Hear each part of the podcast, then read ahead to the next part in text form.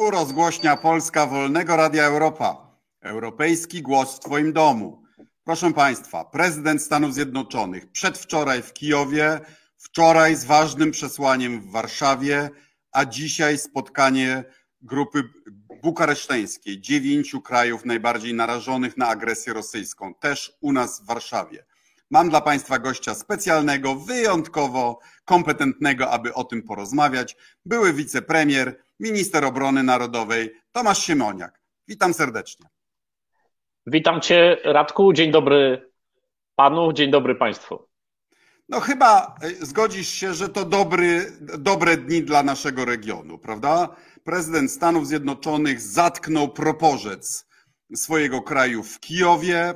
Powiedział, że to jest święta przysięga e, e, bronienia każdej pięści NATO tu u nas w Warszawie, a dzisiaj spotkał się no, z tymi krajami flankowymi, które mają powody, żeby szczególnie obawiać się agresji Putina dobre przemówienie, dużo satysfakcji, prawda?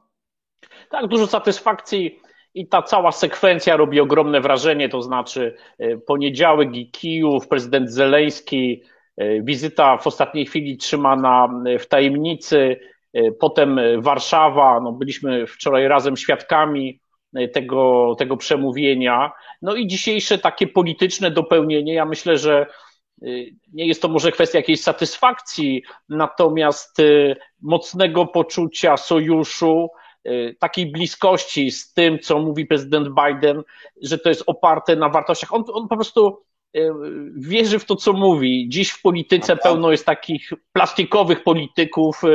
Natomiast coś takiego ma ten Biden, że jak on mówi, to mu się wierzy. Ma taki rodzaj wiarygodności który idzie za, za nim. Także sądzę, że możemy być zadowoleni z tego, bo wszystko, co trzeba, się zdarzyło. I ja uważam, że właśnie ta wizyta w Kijowie była no, niesamowitym, może nie, nie, nie puentą, bo od niej się wszystko zaczęło, ale jej potrzeba, żeby zrozumieć, o co tutaj w tym wszystkim chodzi. Zwracam uwagę, że Biden też wczoraj Y, zwrócił uwagę na szczyt NATO najbliższy oczywiście też, ale ten amerykański rocznicowy w przyszłym roku, że tutaj ja będę się spodziewał jakiegoś takiego zasadniczego planu na najbliższe kilkadziesiąt lat dla NATO, czy kilkanaście wobec agresywnej Rosji. Także myślę, że i ci, którzy lubią dobre przemówienia, i ci, którzy je na chłodno oceniają,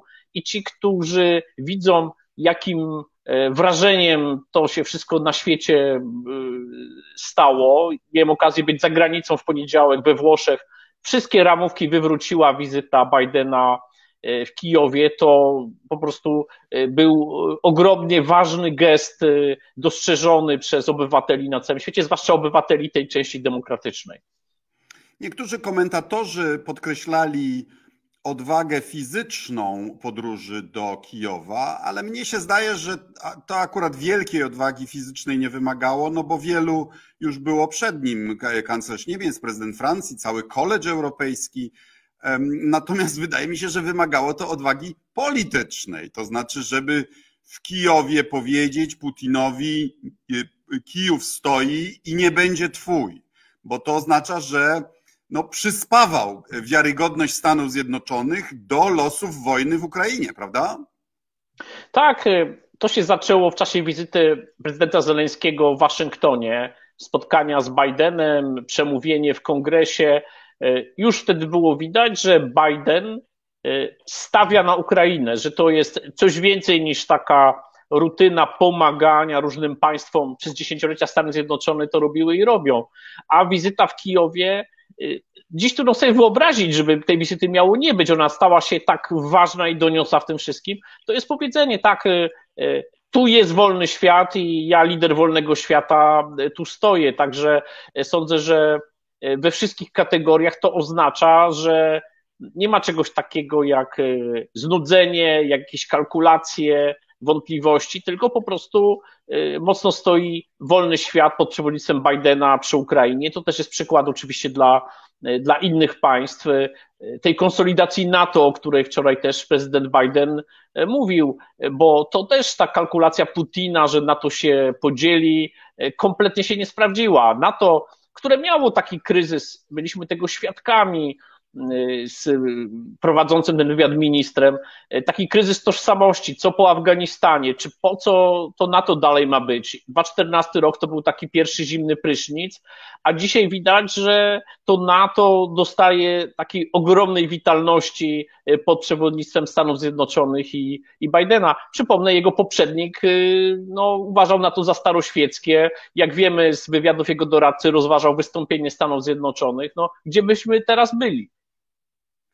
A w tle przemówienie Putina, który niby był tym żwawym, takim pełnym testosteronu, e, jeżdżącym na białych koniach e, i tam polujących, polującym i uczącym, chyba kormorany uczył fruwać, prawda?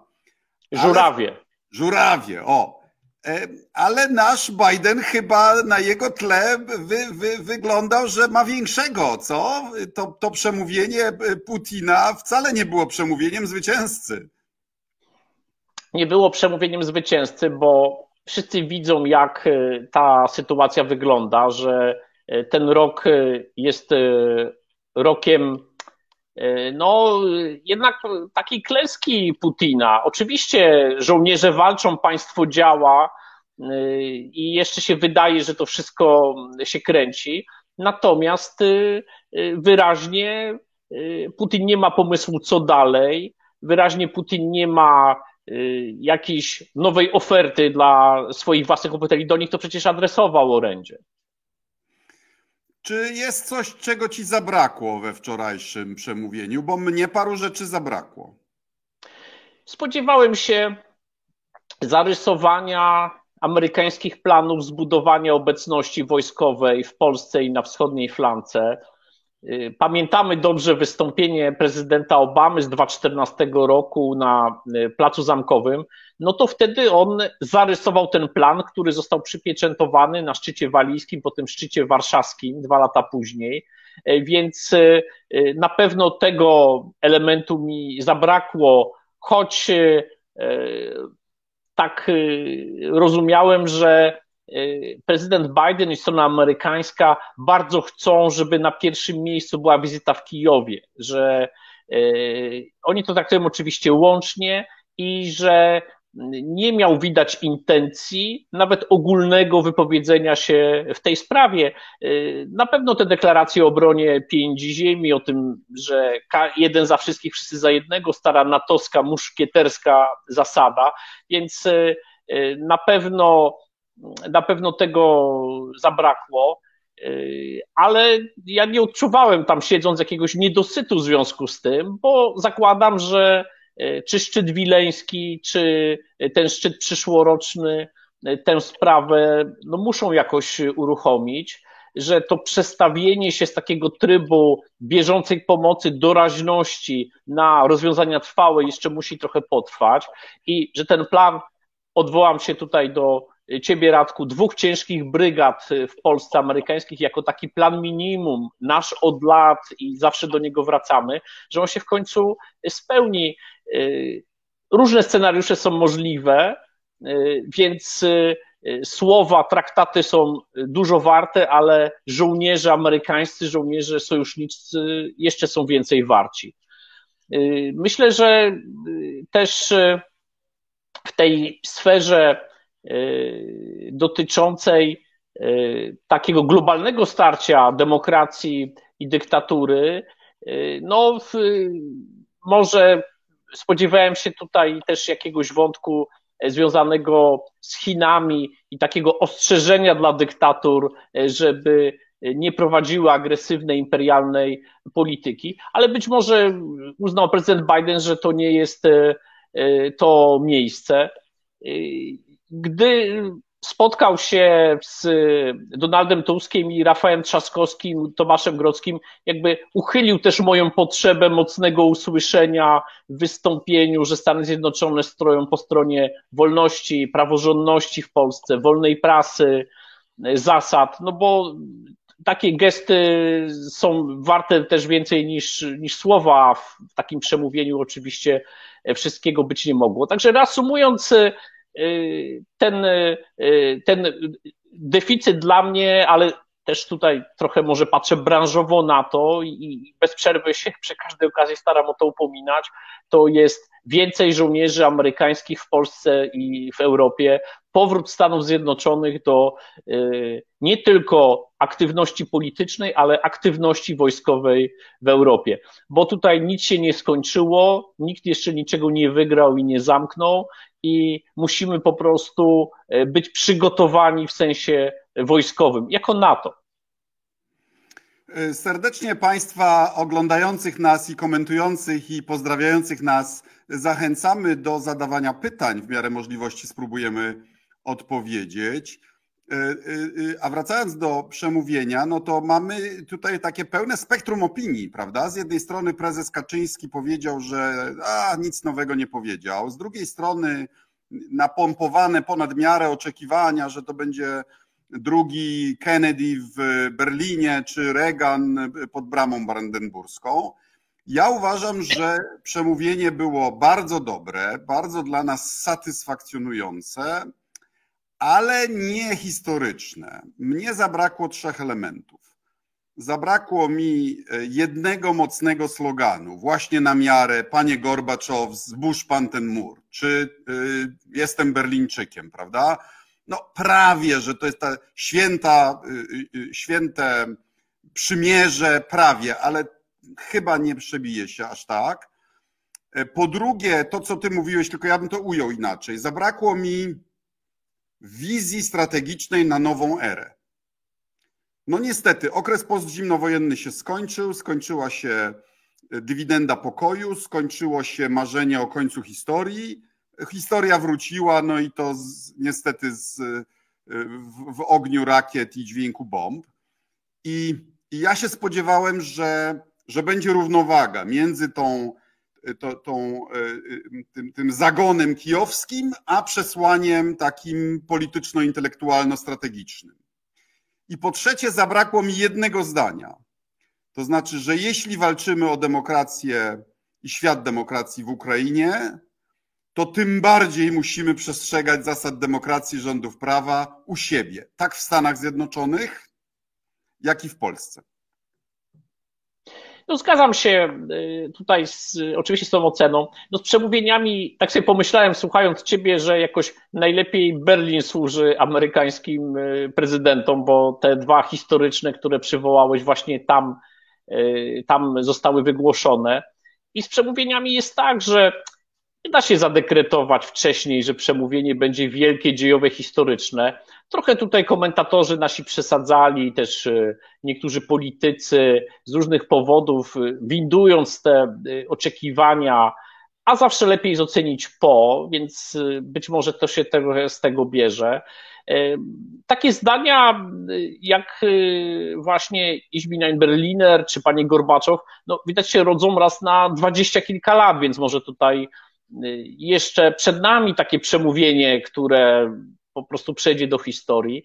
Niewątpliwie sam prezydent Biden y, jest już historycznym prezydentem, tak? bo y, prezydentów y, tworzą ich wielkie osobowości, ale też i tworzy historia, tak? z którą muszą się mierzyć.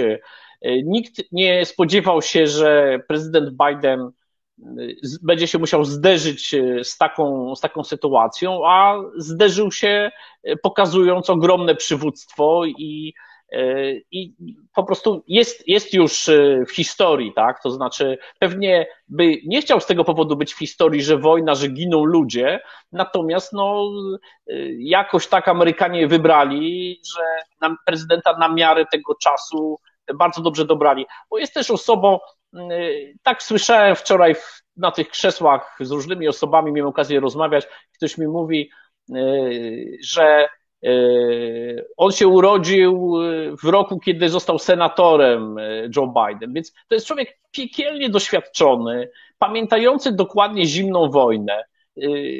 Radek, ty często bywasz w Waszyngtonie, rozmawiasz tam z ludźmi, z politykami, ekspertami. Dla mnie było ogromną różnicą w czasie wizyt, różnych rozmów w Stanach Zjednoczonych, rozmowa z ludźmi zimnej wojny, tak, którzy dobrze pamiętali, czy to byli wojskowi, czy CIA, czy politycy, i tym nowym pokoleniem, takim nowym pokoleniem pivota, takim, którym tu Azja, Chiny, którym te problemy europejskie, tych wielu małych, pokłóconych krajów w historii nie są tak bliskie jak pokoleniu Bidena. Więc e, jest jakiś palec Boży w tym, że właśnie ten Biden jest teraz e, prezydentem, który no po prostu to rozumie, dokładnie wie, jak się państwa nazywają, graniczą, jaka jest historia, bywał tutaj wiele razy. Więc e, myślę, że to jest tutaj bardzo ważna, ważna okoliczność. Ale może jest tak, że czasem się z bliska nie widzi, tak? I może my nie wiemy, że jakby nie zobaczyliśmy jeszcze tego zdania, które może E, przejść do historii z wczorajszego wystąpienia, e, więc e, z jakiegoś dystansu będzie lepiej widać pewne, pewne rzeczy. Proponuję nie znęcać się ani nad przejęzyczeniem prezydenta Dudy, bo to się zdarza po prostu, a, ani też nadmiernie nad tym, co nasza prawica nacjonalistyczna wygadywała o, o Bidenie, wtedy, gdy jeszcze obstawiali Trumpa. E, jakie mu zarzuty stawiali i jak pogardliwie o nim mówili, ale jedno chciałbym, żebyśmy zapamiętali. To znaczy, że gdyby e, prezydentem Stanów Zjednoczonych e, byłby Trump, to takiego przemówienia byśmy nie mieli. Pamiętajmy o tym, za co próbowano po raz pierwszy złożyć Trumpa z urzędu. Mianowicie za to, że szantażował prezydenta Zełenskiego, że nie da mu uzbrojenia, jeśli ten nie dostarczy mu kompromatów na syna Bidena. Znaczy, ja powiem bez owijania w bawełnę. Gdyby prezydentem był Trump, to nie poleciałby, nie pojechałby do Kijowa, tylko pojechałby do Moskwy z jakąś durną e, inicjatywą e, pokojową, którą Rosjanie by wykorzystali, żeby go, żeby go ośmieszyć, a Ukrainę oszukać. No zgadzam się. Tutaj zresztą sam Trump y, w ostatnich dniach zabierał głos, bo gdzieś mi mignęła taka wypowiedź, że on by wiedział, co zrobić, by zadzwonił do Kijowa, do Moskwy, poleciałby i by załatwił sprawę. To znaczy, y, tak jak załatwił pamiętamy... z Kim Jong-unem. Tak jak z Kim Jong-unem tak. załatwił program atomowy. Dokładnie tak. Znaczy, to jest taki, taka, takie biznesowe podejście dobre, może gdy się kupuje nieruchomość. Natomiast polityka jest tutaj bardziej skomplikowana. Y, I szczerze mówiąc, się dziwię, bo y, Trump y, przecież powinien rozumieć, jak tego rodzaju wypowiedzi będą przyjmowane, a jednak w takim duchu się wypowiada. Więc zdecydowanie to, o czym wcześniej już wspominałem, jego podejście do NATO, jego taka transakcyjność w polityce. Pamiętamy te żenujące rozmowy e, o tym, ile ma kosztować baza w Polsce, Fort Trump i tak dalej. Znaczy, jasne, że gdzieś tam w tle takiej wielkiej polityki są pieniądze, natomiast no, y, wyglądało to fatalnie, tak? No bo Polskę zapewne stać na różne projekty, przedsięwzięcia, natomiast są też sojusznicy biedniejsi, więc ta filozofia takiej transakcyjności y, była tutaj naprawdę fatalna, niszcząca na to od środka, jego taką filozofię od 1949 roku. Więc zdecydowanie dobrze, y, że y, prezydentem jest Biden.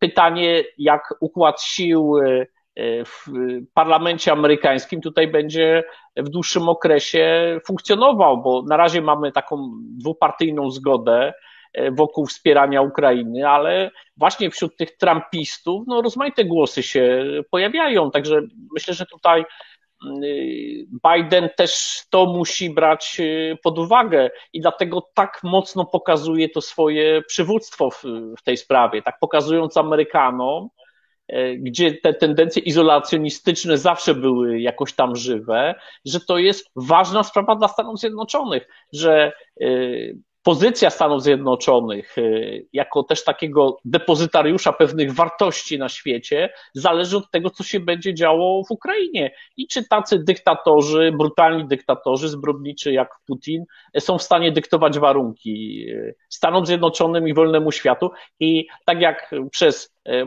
poprzednie setki lat do XX wieku, prowadzić politykę polegającą na tym, że silniejszy może ze słabszym wszystko zrobić. No, jakby zerw zerwaliśmy z tym, tak, jako, jako przynajmniej wolny świat, a teraz to, to wraca. Silniejsze państwo napada na słabsze i próbuje je sobie podporządkować. No bo tak na koniec dnia o to dokładnie chodzi.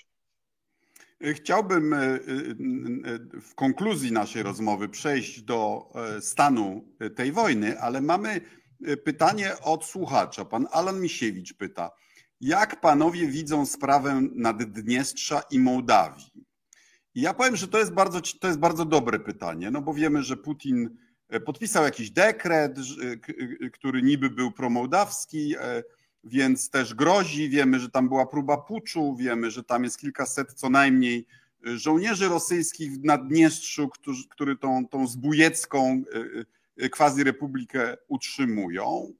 Ale ja mam jeszcze inne pytanie w tej sprawie, bo zobacz, Putin próbuje otworzyć Ukrainie e, front e, mołdawski, od tyłu ją wziąć, a my nie robimy tego samego.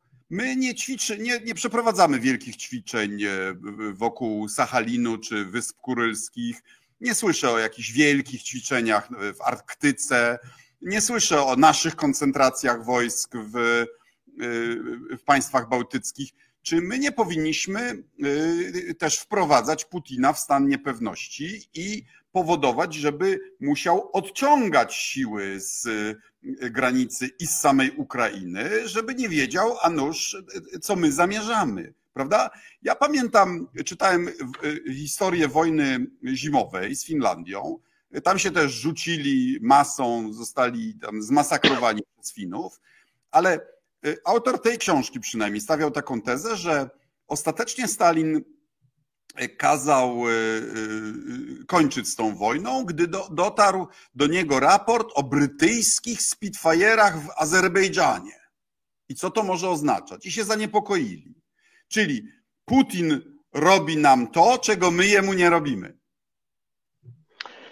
No, tutaj kilka wątków. Zacznę od Mołdawii była wczoraj prezydent też Mołdawii i e, spotykała się z prezydentem Bidenem, e, więc i Mołdawia została wspomniana w jego wystąpieniu, także tutaj przypadków nie ma. Myślę, że to też stanęło jakby na agendzie Zachodu e, sytuacja w, w, tym państwie. Państwie, które no, jest w bardzo trudnej sytuacji geopolitycznej, tak jak powiedziałeś, z oderwaną częścią, nad którą nie panuje, z ogromnymi problemami ekonomicznymi. I ja sądzę, że e, tutaj rzeczywiście trzeba patrzeć e, na to miejsce jak e, na coś, co musi być dużą inwestycją Zachodu. Tam zmagają się te siły proeuropejskie z siłami prorosyjskimi. Wielu Polaków tam doradza, pracuje, stara się właśnie walczyć o tę europejską ścieżkę Mołdawii. Także miejmy nadzieję, że Stany Zjednoczone zauważą to i, i wesprą mocno te mołdawskie aspiracje, no bo gdzie jak gdzie, ale Rosja chce tam bardzo mieszać. Oczywiście y, co do wątku y, takiego równoważenia i wyprzedzania wydarzeń, tak, y, absolutnie to powinno się dziać. Myślę, że Stany Zjednoczone, no bo to one są w stanie działać na Pacyfiku, Y, czy, czy są w stanie działać globalnie, powinny to wziąć pod uwagę. To znaczy, że y, manewry natowskie, które za naszych rządów wróciły y, do kalendarza, tak pamiętamy Steadfast Jazz w 2013, po dłuższej przerwie, gdzie trochę za sprawą Afganistanu, Iraku tych manewrów nie było, że takie wielkie manewry powinny być przewidziane w najbliższych latach, bo to jest potrzebne wojsku, to jest potrzebne politykom, ale też i to zawsze robi wrażenie, tak? To znaczy e, różne rzeczy zapowiadały kolejne ćwiczenia Zapad, aż w końcu no, doszło do pełnoskalowej wojny, więc nie ma co, nie ma co tego lekceważyć. I sądzę, przywołałeś tutaj przykład wojny zimowej, te Spitfire'y to w Iranie się pojawiły, Azerbejdżan już niestety był w Związku Sowieckim wtedy, ale to dokładnie o to no nie, nie, chodzi. tak? moment, w Iranie też jest część Azerbejdżanu. Może to, może to jest to samo. No, tak, znaczy w tym sensie, że, że ten Azerbejdżan, jak my go rozumiemy, już był wtedy niestety Azerską Socjalistyczną Republiką Radziecką. I ja sądzę, że ten przykład ten przykład wojny zimowej bardzo często się pojawiał w ciągu ostatniego roku, no bo to jest właśnie taki Dawidowo-Goliatowy pojedynek, y, mocno potem wpisany w kontekst y, II wojny światowej, w historię Finlandii, finlandyzację. Wczoraj też to, też to y, błyskotliwie padło w wystąpieniu prezydenta Bidena. No to to jest właśnie też taka wskazówka, jak, jak powinno się działać. Czasem E, w taki sposób, bym powiedział, niekoniecznie jawny, tylko e, no, po prostu robiąc problemy drugiej stronie, tak? Znaczy na tym polega też i e, konflikt czy konfrontacja, że na różne sposoby stara się tutaj utrudnić życie agresorowi. No to teraz zmierzając ku konkluzji, kto wygrywa? Ja ci powiem tak, byłem przez trzy dni na monachijskiej konferencji bezpieczeństwa nie wyjawiając dokładnie z kim, ale rozmawiałem z no, wierchuszką wojskową e, sojuszu i tam jest przekonanie takie, że Putin e, stracił połowę armii, tą drugą połową jeszcze e, rzuci kośćmi i spróbuje złamać Ukrainę, przełamać front, dojść do Dniepru, ale że mu się to raczej nie uda bo nie ma rezerw, nie ma drugiego eszelonu. Więc jeśli Ukraińcy to wytrzymają, nawet z jakimiś stratami terytorialnymi, y, y, to ta ofensywa wytraci impet, a za miesiąc, dwa Ukraińcy będą gotowi do kontrofensywy. I ta kontrofensywa, mówię jak słyszę, zdecyduje o tym, czy ta wojna się skończy w tym roku, czy się przekształci w chroniczny konflikt na 5-10 lat, tak jak to te e, kolonialne wojny e, przeważnie mają. E, co sądzisz o takim scenariuszu? Bo mnie on przekonał. W tej wojnie jest tak, że defensywa wychodzi bardzo dobrze, a z ofensywami jest problem. Dotyczy to obydwu stron, więc specyfika tego konfliktu jest dokładnie taka, to znaczy, że toczą się bardzo uporczywe walki w różnych miejscach z użyciem artylerii, artylerii rakietowej i ten front jakby bardzo mało się przesuwa i straty są relatywnie duże jak na ten typ konfliktu. I oczywiście ostatnie kilka tygodni to były oczekiwania rosyjskiej ofensywy, bo rocznica, bo Y, mobilizacja i szkolenie się zakończyło. Natomiast y, y, myślę, że wszystkie scenariusze są możliwe. Ja widziałem kilka tygodni temu konferencję prasową sekretarza obrony USA Austina i generała Mileya.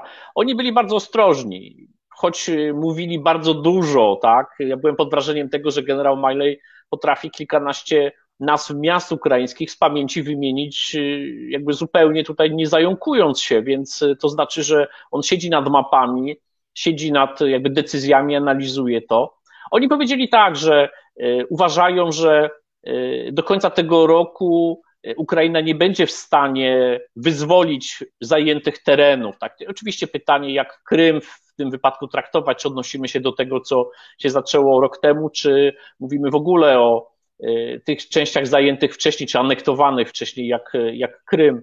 Y, więc y, ja sądzę, że po prostu będziemy mieli do czynienia z taką sytuacją, w której nie będzie się wiele zmieniało, co jest oczywiście każdego dnia sukcesem Ukrainy, że taki plan gdzieś tam rysowany przez Putina dojścia do administracyjnych granic obwodów donieckiego i ługańskiego, no, jest odległy od realizacji i oczywiście można sobie wyobrazić, że Rosjanie rzucą jakieś ogromne siły, ale uważam, że też nie jest tak, że dla Rosji każdy poziom strat jest tutaj jakoś akceptowalny. Znaczy to wracające ciała w czarnych workach, nawet w dyktaturze, są takim czynnikiem, który no, osłabia dyktaturę i sprawia, że wszyscy uciekają od wojska i to morale jest tutaj bardzo niskie.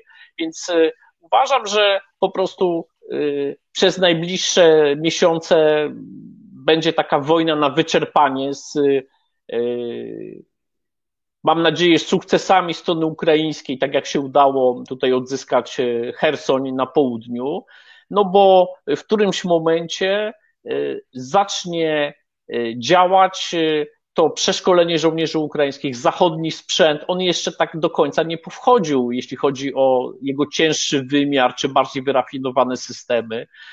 I myślę też, że y, odzyskanie kontroli nad przestrzenią powietrzną w większym stopniu Ukrainy, to, to, to będzie taka sytuacja, bo dzisiaj Rosja jest w stanie, strzelając rakietami, pociskami manewrującymi, one są oczywiście wedle komunikatów ukraińskich, nie wiem, w dwóch trzecich e, e, strącane, ale jedna trzecia dociera w różne, w różne miejsca.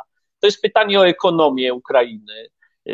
Jak bardzo ten kraj, to państwo może radzić sobie w, no, no, no w warunkach, gdy ważna część jego terytorium, duża, jest jakby odcięta, nie działa przemysł, firmy, biznes, a cała reszta jest w takim cieniu wojny, gdzie inwestycji za nie ma, gdzie jest problem z pracownikami, bo są po prostu w wojsku. Y, także y, spodziewam się, że raczej będzie ciężko, że Ukraina to przetrwa, bo znalazła sobie jakąś ogromną siłę i że nie należy się spodziewać jakichś zasadniczych, zasadniczych przełomów. Scenariusz zarysowany po cichu E, do Twojego ucha w Monachium uważam za bardzo dobry, pożądany, ale czy się spełni, nie wiem. Jasne. Mamy e, pytanie od słuchaczki, e, którym chciałbym zakończyć. Mianowicie pani Małgorzata Stoga-Glowik mówi, co z zagrożeniem ewentualnym konfliktem Ameryki z Chinami i wpływem na wojnę w Ukrainie przyznam sobie sam e, e, prawo pierwszej odpowiedzi i uważam, że pytanie jest trochę obok e, głównego zagrożenia, bo to jest pytanie o zagrożenie średniookresowe, a mamy zagrożenie związane z relacjami z Chinami bezpośrednie, to znaczy w Monachium właśnie sekretarz Blinken powiedział, że Chińczycy rozważają udzielenie pomocy wojskowej Rosji. Ja to, ja to przyjmuję jako takie kolejne amerykańskie użycie strategiczne ich zasobów wywiadowczych po to, żeby skłonić e, rywala do odstąpienia od planów. To bardzo dobrze zagrało przed wojną i w pierwszych tygodniach wojny, prawda? Pozbawiło Rosjan kazus belli. E, I tu e, chcą ostrzec Chińczyków, że wiemy, co zamierzacie, nie róbcie tego.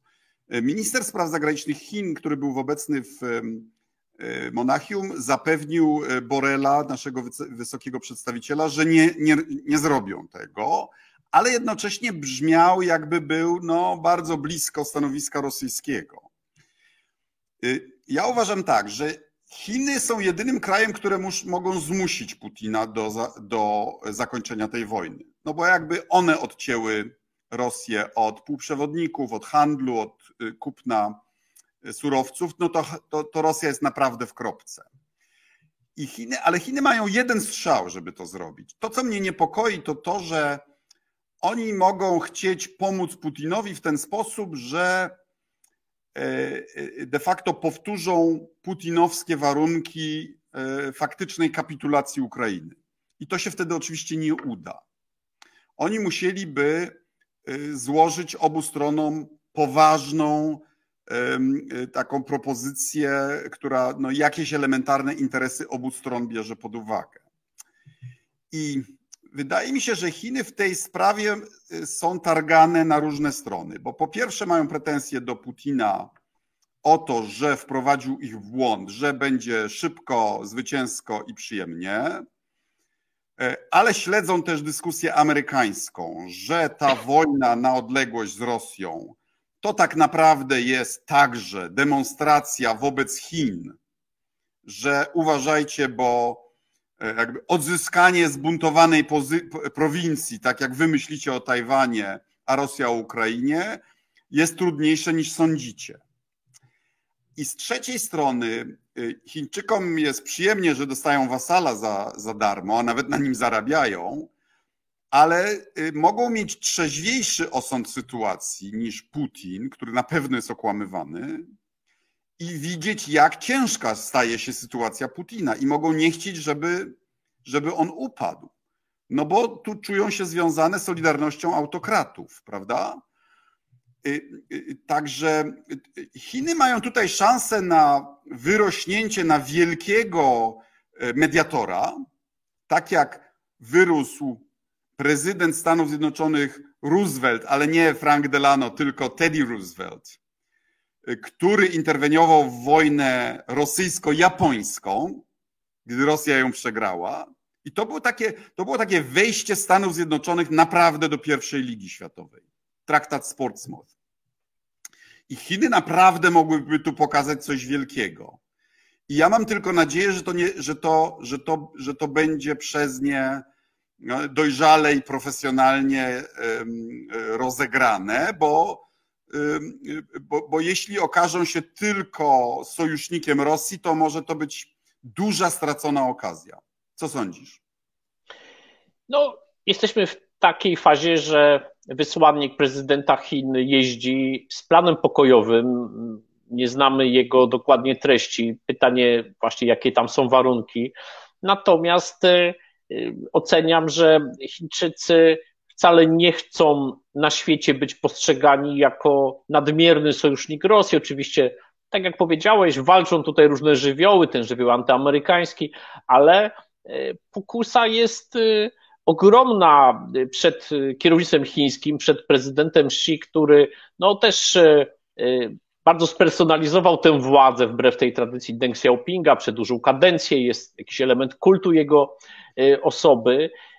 I ja widziałem, jak wyglądają chińskie komunikaty po rozmowach telefonicznych z prezydentem Bidenem dwie największe gospodarki świata, tak? Dwa, znaczy ich bardzo kusi to, żeby wejść w buty Związku Radzieckiego z czasu zimnej wojny, tak? E, a do tego potrzeba no, jednak dystansu od Rosji, jakiejś zdolności prowadzenia e, własnej polityki. Nie mówiąc już o tym, że chińska gospodarka jest e, no, znacznie większa niż rosyjska i w znacznie większym stopniu powiązana ze światem. Tak? Znaczy tutaj takie te trampowskie działania wobec chińskich firm, Huawei i tak dalej, no boleśnie zostały odczute przez, przez Chiny, więc czy uczestnictwo w systemie bankowym, to, to, też, to też są elementy takiej globalnej gospodarki, gdzie Chinom bliżej do Stanów Zjednoczonych, mimo, mimo tej rywalizacji Tajwanu, wszystkich wątków, które tutaj się pojawiają. Więc Sądzę, że uważnie powinniśmy śledzić to, co Chiny robią i mówią. Ta polityka nie jest taką polityką e, szybkich gestów czy jakichś wypowiedzi na Twitterze, bo ta polityka wolno tam się bardzo toczy. Ona, miałem okazję być jako minister w Chinach, rozmawiać z chińskimi ministrami, członkami biura politycznego. Y, tam jest duży poziom takiej refleksji strategicznej. Tak, to nie są tacy politycy, którzy muszą gdzieś biec się, denerwować o to, że jutro coś się wydarzy. Oni y, jakby dużo ze sobą rozmawiają i e, dość wolno podejmują decyzje, ostrożnie, tak? Mając taki bagaż tych tysięcy lat chińskiej znaczy, polityki. Jednak w ostatnich latach stali się dość agresywni. No tak, no bo y, konflikt wyspy z Japonią, konflikt z Wietnamem powchodzili, to, to jest właśnie taka trochę nowa polityka Xi, y, gdzie y, komunizm w tej ideologii coraz bardziej jest wypierany przez taki nacjonalizm, taką dumę chińską. Tego nie było przy poprzednich ekipach. Więc ja uważam, że oni sądzą, że w ich interesie jest osłabianie się Rosji, że jednak mają w głowach to, że byli trochę takim młodszym bratem w komunizmie e, tej Rosji. Potem no się ofiarą zaborów, zaborów rosyjskich zewnętrznych. Tak, e, e, że, że sądzę, że ta taka degradacja Rosji na świecie, to, że Putin stał się takim outsiderem, nieprzyjmowanym, z którym się nie rozmawia, wcale Chińczyków nie martwi i to takie e, wyczerpywanie się zasobów, e, jeszcze do niedawna drugiej armii świata, na której chińska armia się wzorowała przez dziesiątki lat sprzętem, procedurami, szkoleniem i tak dalej, nie martwi e, chińskich przywódców. Będą to rozgrywać we własnym interesie, będą patrzeć, co Stany Zjednoczone robią, bo to jest dla nich główny przeciwnik, tak? To nie, mam nie ma nikt do tego wątpliwości i miejmy nadzieję, że e, uznają, że nie jest w interesie, bo nie jest e, e, nadmierne wspieranie Rosji w tym, w tym wszystkim, a ceną za jakieś takie, no, no widzimy co, co, co z Iranem, tak? Znaczy, że w sumie marginalna w jakiejś skali globalnej sprzedaż irańskich dronów, które jakby sprawiły, że ten Iran stał się takim państwem, nie miał dobrej reputacji oczywiście też wcześniej, ale e, to wejście w orbitę Ros, ono, zobacz Radku. E, Prawdziwa oś skończy, zła, nie? Skończyło temat powrotu do tych porozumień atomowych, gdzie była jednak taka intencja, no bo to Trump wszystko zaorał, więc kto gdzieś staje przy Rosji, ten na tym traci. To jest coś takiego, że myślę, że przywódcy na świecie. do, to jest także przekaz do Węgier. Tak jest, tak jest. Przede wszystkim może do Węgier, bo Węgry tutaj najbliższe. Natomiast y, y, z Rosją się dziś przegrywa na świecie, a nie wygrywa. I y, czy to wielkie Chiny, czy średnie Węgry, powinno to do świadomości przywódców mocno docierać. I myślę, że to jest bardzo dobra puenta naszej rozmowy. Tomku, panie ministrze, panie wicepremierze, serdecznie dziękuję za poświęcony czas. Ja dziękuję. Dziękuję bardzo. To była rozgłośnia Polska Wolnego Radia Europa. Europejski głos w Twoim domu. Jeśli się Państwu podobało, to proszę o lajkowanie, szerowanie, udostępnianie. Serdecznie dziękuję. Do zobaczenia.